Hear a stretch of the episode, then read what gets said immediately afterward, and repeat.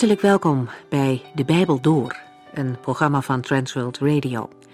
De Bijbel Door is een radioserie die u in vijf jaar meeneemt door de hele Bijbel.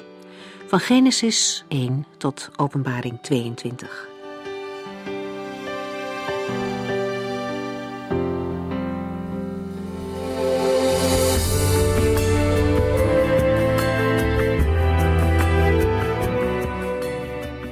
In onze vorige uitzending hebben we Openbaring hoofdstuk 13 uitgelezen. Dit gedeelte ging over twee beesten. Het eerste kwam uit de zee, het tweede uit de aarde. De visioenen uit Openbaring zijn voor ons niet altijd 1, 2, 3 duidelijk. Maar dat betekent niet dat we ze aan de kant moeten leggen. Het laatste vers van dit hoofdstuk zegt, hier is wijsheid nodig. Wie verstandig is, kan erachter komen wat het getal van het beest is. Zo'n vers leert ons dat de betekenis van het visioen toegankelijk wordt voor wie wijsheid bezit. De wijsheid die hiervoor nodig is, krijgen we van God.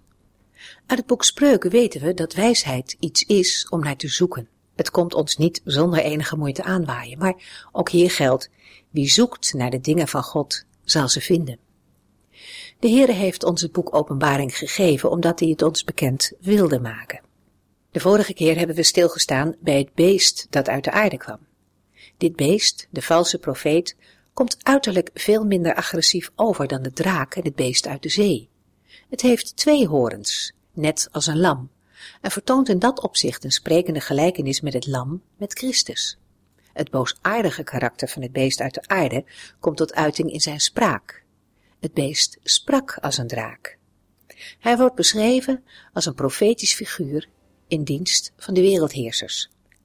Hij oefent dezelfde macht uit als het eerste beest uit de zee en uiteindelijk ook van de draak, van Satan. Hij dwingt de hele mensheid tot aanbidding van het eerste beest, de antichrist. Hij misleidt de mensen en laat hen een groot beeld maken voor het eerste beeld. Dat beeld komt op bovennatuurlijke wijze tot leven. Alle mensen moeten het aanbidden en wie weigert, wordt gedood. De mensen krijgen in die tijd ook een merkteken van het beest op hun rechterhand of hun voorhoofd, behalve diegene van wie de naam al in het boek van het leven is geschreven. We lezen in Openbaring 14.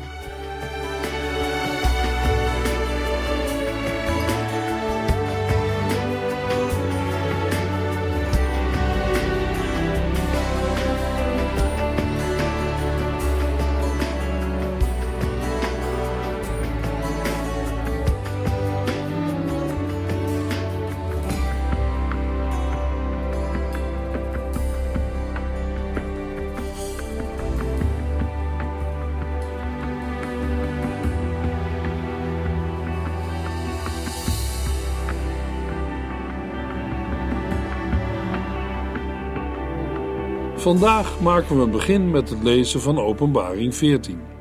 De eerste vijf versen van Openbaring 14 lopen vooruit op de definitieve overwinning van het Lam in Openbaring 19. De versen bieden, te midden van alle oordelen en gerichten die worden beschreven, uitzicht op de glorieuze toekomst die de Heere zal brengen. Het Lam, Christus, staat in dit visioen als overwinnaar op de berg Sion en is vergezeld van een grote menigte. Een groep van 144.000 mensen die de naam van Christus en van God de Vader als een eigendomsteken op hun voorhoofd dragen. In tegenstelling tot de in Openbaring 13 genoemde volgelingen van het beest, die het merkteken van het beest aan hun rechterhand of voorhoofd hebben. We lezen in Openbaring 14, vers 1: Ik zag het lam op de berg Sion staan. Er waren 144.000 mensen bij hem. Ze hadden zijn naam en de naam van zijn vader op hun voorhoofd. De genoemde 144.000 verzegelden dragen de naam van Christus, het Lam. Zij zijn vrijgekocht uit de mensen en zijn volgelingen. Zij zijn hem op een bijzondere wijze toegewijd. We lezen over hen in Openbaring 14, vers 4c, dat zij de eerste oogst voor God en het Lam zijn. In een andere Bijbelvertaling lezen we in vers 4c: Deze zijn gekocht uit de mensen als eerstelingen voor God en het Lam. Het ontbreken van het bepalend lidwoord is voor sommige Bijbeluitleggers aanleiding om deze groep te onderscheiden van de in Openbaring 7 genoemde 144.000 verzegelden uit Israël. Maar dat is beslist onwaarschijnlijk, gezien de sterke overeenkomsten tussen beide passages.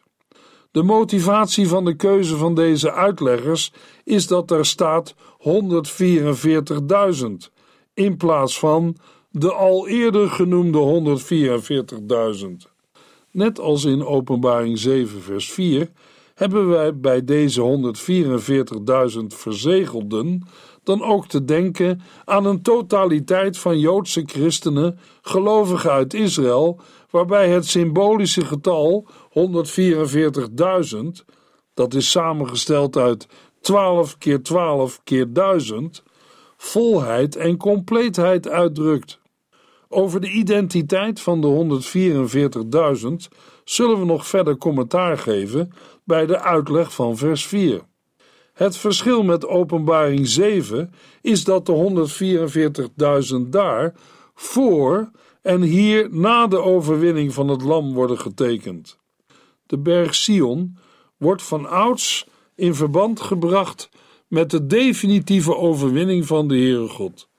En zonder twijfel wordt dan gedacht aan het aardse Sion of Jeruzalem, waar de volken in de eindtijd naartoe zullen stromen. Ook in Openbaring 14 zullen we hebben te denken aan een situatie op aarde, en wel in het Messiaanse vrederijk. In een aantal handschriften ontbreekt aan het eind van dit vers een verwijzing naar de naam van het Lam. Maar aangezien de 144.000 in vers 4 worden aangeduid als volgelingen van het Lam, kan hieruit niet worden opgemaakt dat het om het Joodse volk als zodanig gaat, zoals wel door uitleggers is gedacht. Bijzonder is dat we in vers 1 lezen: Ik zag het lam op de berg Sion staan. Met deze woorden zien we de Heer Jezus Christus voor het eerst niet op Gods troon in de hemel, maar op aarde. Het lam staat op de berg Sion, een berg die in de Bijbel een belangrijke rol speelt. We lezen bijvoorbeeld in Psalm 78, vers 68 tot en met 72: Hij, de Heere, koos de stam van Juda, de berg Sion, waarvan hij zoveel houdt. Daar bouwde hij zijn nieuwe huis. Het stond er net zo vast als de aarde na de schepping. Zijn knecht David koos hij uit en hij haalde hem weg achter de schapen.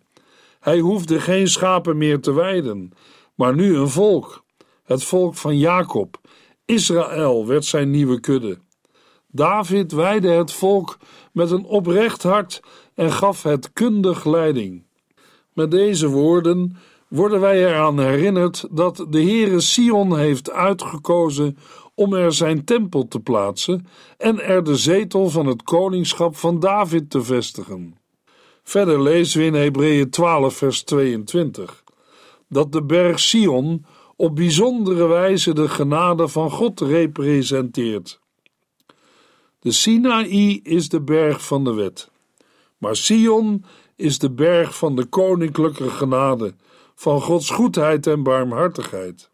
Sinds de terzijde stelling van Silo, verbonden met het falen van het koningschap van Saul en het priesterschap van Eli, wordt het koningschap naar Gods hart voor altijd verbonden met de berg Sion.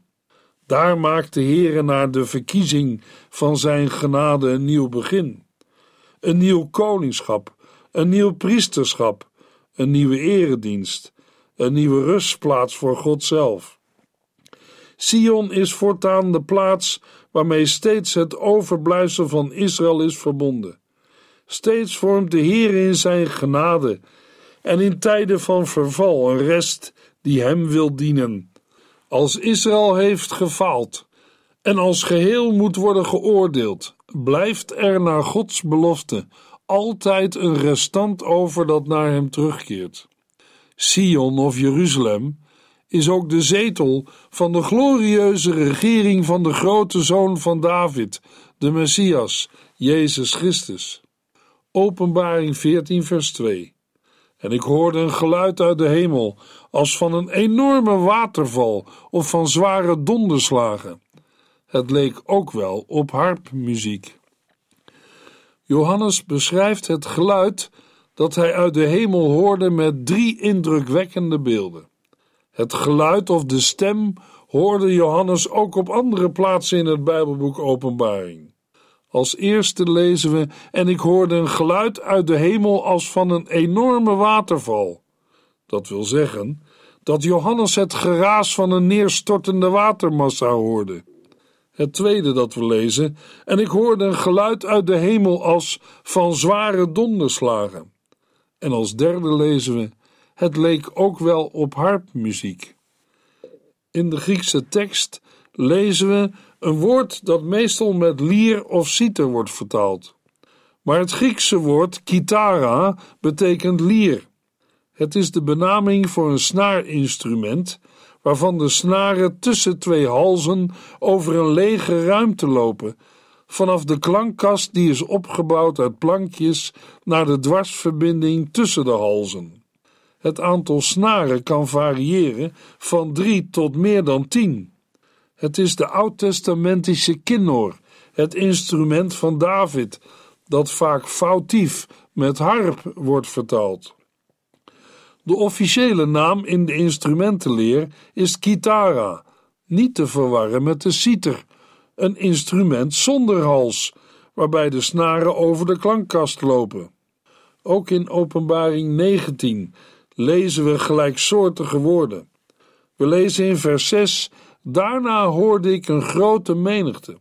Het leek wel op het geluid van een enorme waterval of van zware donderslagen. Prijs God, zeiden zij, de Heere, onze Almachtige God, regeert.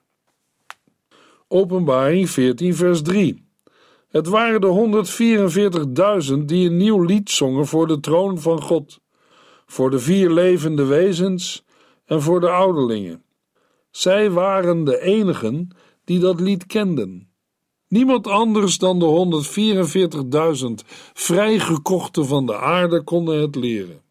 Het nieuwe lied dat gezongen wordt, klinkt voor de troon van God, voor de vier levende wezens en voor de ouderlingen. Dat wil zeggen, in de hemel, in de onmiddellijke tegenwoordigheid van God.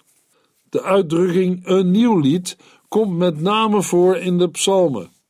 De inhoud van het lied wordt ons niet meegedeeld, maar uit het verband maken we op dat het om een overwinningslied van het Lam gaat.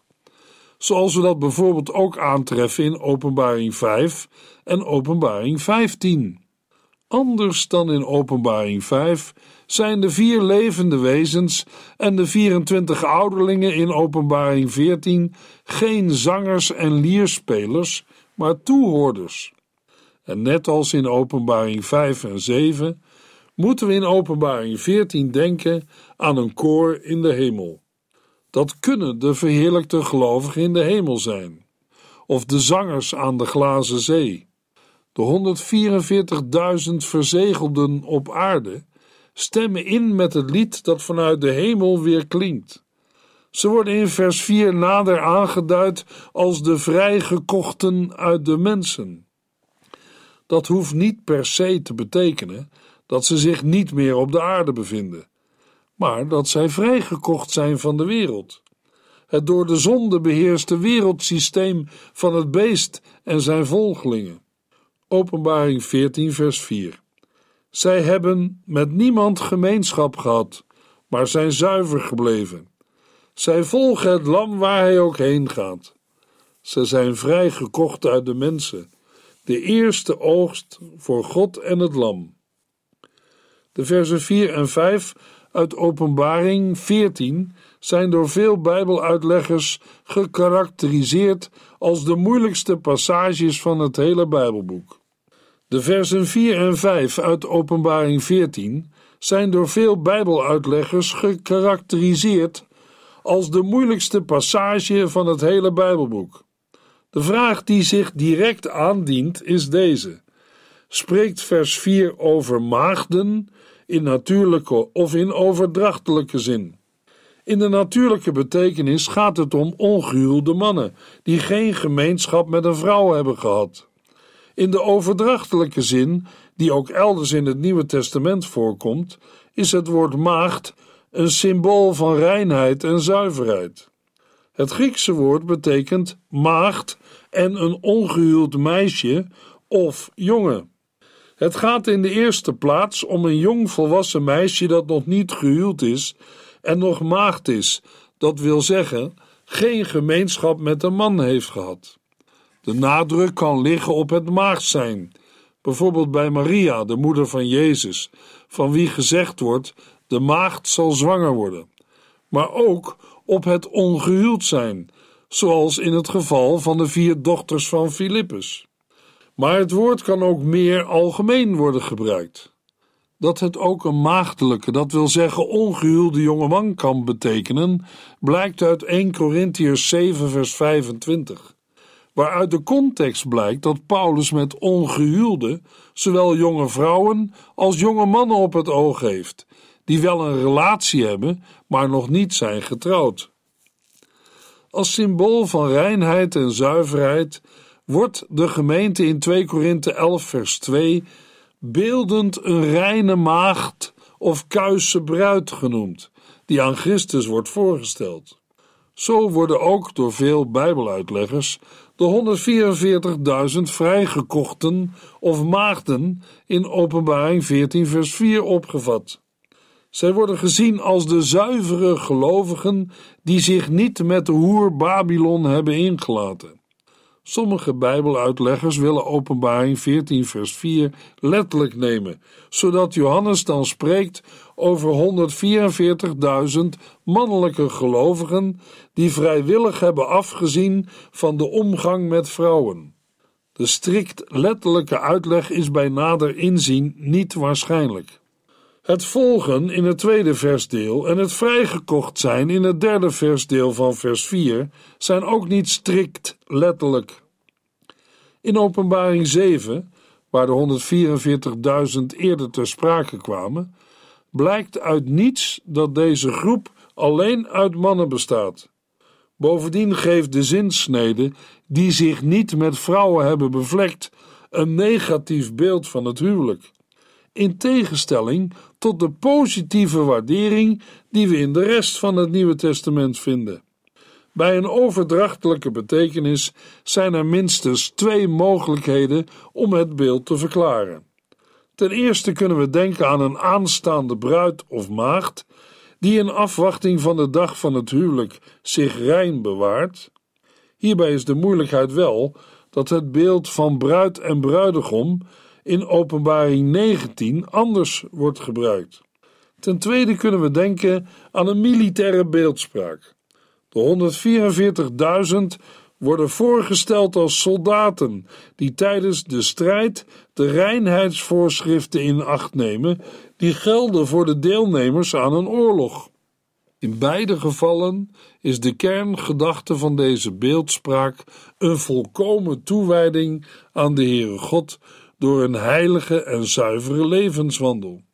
Deze toewijding komt ook naar voren in de woorden: Zij volgen het Lam, waar hij ook heen gaat. De vraag wie de 144.000 nu precies zijn, wordt dringend bij de vermelding de eerste oogst. De vertaling eerste of eersteling valt gezien het gebruik van het woord in de rest van het Nieuwe Testament te verkiezen boven de vertaling offer. Ze zijn eersteling, dat wil zeggen het eerste deel van een groter geheel. Gaan we ervan uit dat de 144.000 die hier en in Openbaring 7 worden genoemd, onderscheiden moeten worden van de ontelbare menigte mensen, dan zullen we moeten denken aan christenen van Joodse komaf, die eersteling geworden zijn van alle gelovigen, ook van die uit de niet-Joden. Daarvoor pleit ook Romeinen 11, vers 16, waarin de Griekse tekst de term eersteling uitdrukkelijk wordt betrokken op het gelovige overblijfsel van Israël. Openbaring 14, vers 5. Zij hebben geen leugen over hun lippen laten komen, en er valt niets op hen aan te merken. De beschrijving in vers 5 is gebaseerd op Sefania 3 vers 13. In Sefania 3 gaat het over de toekomst van Jeruzalem. Bij de inleiding op het Bijbelboek Sefania hebben we gezien dat de naam van de profeet betekent de Heere beschermt of de Heere is een schuilplaats. Toen is ook uitgelegd dat de naam Sefania de inhoud van de boodschap van de profeet weergeeft. Bij het lezen van Sefania 3 is het goed ons dat te herinneren.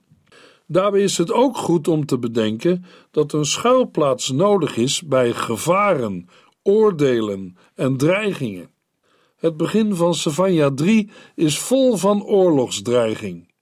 Terwijl de inwoners van Juda en Jeruzalem in de loop van Sefania 2 de indruk konden krijgen dat de oordelen van de Heere alleen de volken rondom hen zouden treffen, hangen de onweerswolken in Sefania 3 zwaar en donker boven Jeruzalem zelf. Stefania roept in vers 1 zijn profetische wee uit over Jeruzalem met de woorden: Wee Jeruzalem, die ongehoorzame zondige stad vol misdaad en geweld. De aanklacht is niet gering. Van geen andere stad op de wereld kan gezegd worden wat we lezen in Stefania 3 vers 5. Maar de Heere, die midden in die stad woont, is rechtvaardig. Maar de stad waar de Heere woont, is een ongehoorzame, zondige stad vol misdaad en geweld. Het Hebreeuwse woord dat met ongehoorzaam is vertaald, herinnert aan het woord opstandig morren uit de woestijngeschiedenis van het volk Israël. Jeruzalem, de heilige stad, is door zonde verontreinigd. En in haar midden worden mensen die oprecht de Heere willen dienen verdrukt. Zo'n situatie roept om het oordeel van de Heere. In de versen 3 en 4 lezen we hoe het ervoor staat met het Jeruzalem in de tijd van Sefania. En dat is niet best. We lezen: Haar leiders lijken op brullende leeuwen op zoek naar prooi. Haar rechters zijn vraatzuchtig als wolven in de schemering, die geen spoortje voedsel overlaten tot de morgen. Haar profeten zijn praatjesmakers en bedriegers. Haar priesters ontwijden wat heilig is en zijn ongehoorzaam aan Gods wetten. En de Heere? Daarover zegt de profeet in vers 5: Maar de Heere, die midden in die stad woont, is rechtvaardig. Hij doet geen onrecht. Iedere dag weer is zijn rechtvaardig oordeel zichtbaar. Ondanks dat schaamt de goddeloze zich niet voor zijn daden. En de Heere zelf zegt in het vervolg, in Sefania 3 vers 6 tot en met 20, Ik heb vele volken uitgeroeid en hun vestingen verwoest. Hun straten liggen verlaten en zijn onbegaanbaar geworden. Hun steden liggen in puin. De hele bevolking is weg. Ik zei: Heb eerbied voor mij, laat u terechtwijzen. Als u luistert naar mijn waarschuwingen, zal ik uw stad niet vernietigen. Maar nee, zij stonden direct klaar om kwaad te bedrijven. Heb geduld, zegt de Heer. Het moment komt waarop ik zal opstaan om te oordelen, want ik heb besloten alle volken en koninkrijken te verzamelen en over hen mijn toorn uit te storten. Ja, met het vuur van mijn jaloezie zal ik de hele aarde verteren. Maar dan zal ik de volken andere, reine lippen geven, zodat zij de naam van de Heere zullen aanroepen en hem eensgezind zullen vereren. De mensen die ver weg aan de andere kant van de rivieren van Ethiopië wonen, zullen hier komen om mij te aanbidden en offers te brengen. Dan zult u zich niet meer hoeven te schamen voor de zonden die tegen mij zijn begaan. Want ik zal alle trotse, arrogante mensen uit uw midden verwijderen. Er zal geen hoogmoed meer voorkomen op mijn heilige tempelberg. Alleen de nederigen en armen zal ik overlaten, en ook ieder die op mij vertrouwt. De overgebleven Israëlieten zullen geen onrecht plegen of liegen. Zij zullen daar rustig en in vrede en veiligheid wonen en slapen, zonder dat iemand hen opschrikt. Stefania 3, vers 14 tot en met 17. Breek uit in gejubel, dochter van Sion. Juich, Israël, verheug u. Wees vrolijk met heel uw hart, dochter van Jeruzalem.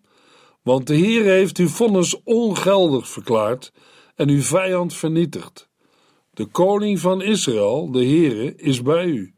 U hoeft nergens meer bang voor te zijn. Op die dag zal men Jeruzalem opbeuren met de woorden: Wees niet bang, Sion, houd moed. De Heer uw God is bij u. Hij is een machtige verlosser. Hij zal vol blijdschap over u zijn. Hij zal u lief hebben en u niet beschuldigen. Hij zal over u juichen met een lied van vreugde. Wie verdriet hebben, omdat zij niet bij dit feest kunnen zijn, zal ik erbij halen. Zij horen er toch ook bij. Ze gaan gebukt onder de vernedering. Ik zal voorgoed afrekenen met al uw vijanden. En ik zal de zwakken en hulpbehoevenden verlossen en bijeenbrengen wie uit elkaar waren gejaagd. Ik zal mijn ballingen, die vroeger over de hele wereld werden veracht, nu roem en eer bezorgen. In die tijd zal ik u bijeenhalen en weer thuisbrengen. Alle volken ter wereld zullen zien dat ik van u een groot en roemrucht volk heb gemaakt, wanneer ik uw situatie ten goede heb veranderd, zegt de Heer. Dat zal de Heer doen voor zijn volk en kinderen. In Sefania 3 vers 13 wordt van het overblijfsel van de overgebleven Israëlieten gezegd dat zij geen onrecht zullen plegen en liegen. In een andere vertaling lezen we: En in hun mond is geen leugen gevonden. Zij zijn onberispelijk. De typering onberispelijk of zonder gebrek is een begrip dat herinnert aan de oud-testamentische offerdienst. Net zoals de offerdieren onberispelijk en zonder gebrek moesten zijn, worden de 144.000 verzegelden in de Griekse tekst ook getypeerd als onberispelijk. Niet in de zin van volmaaktheid of zonderloosheid, maar in de zin dat ze beantwoorden aan het doel waarvoor ze zijn bestemd, namelijk een volkomen toewijding aan de Heere God en het Lam. In Openbaring 14, vers 4 en 5 klinken juist die ethische omgangsvormen door waardoor Joden en christenen zich positief onderscheiden van de in die tijd gangbare moraal. Zij hadden een hoge moraal op het gebied van huwelijk en seksualiteit, eerlijkheid in spreken en handelen. In de volgende uitzending lezen we Openbaring 14, vers 5 tot en met 8.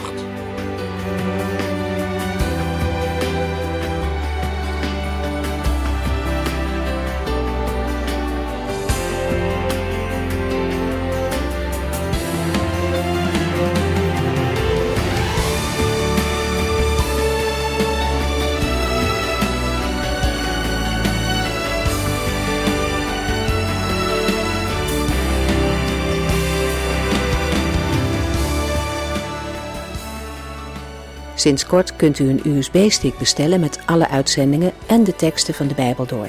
Ons adres volgt in de afkondiging. U heeft geluisterd naar De Bijbel Door. In het Nederlands vertaald en bewerkt door Transworld Radio. Een programma waarin we in vijf jaar tijd de hele Bijbel doorgaan.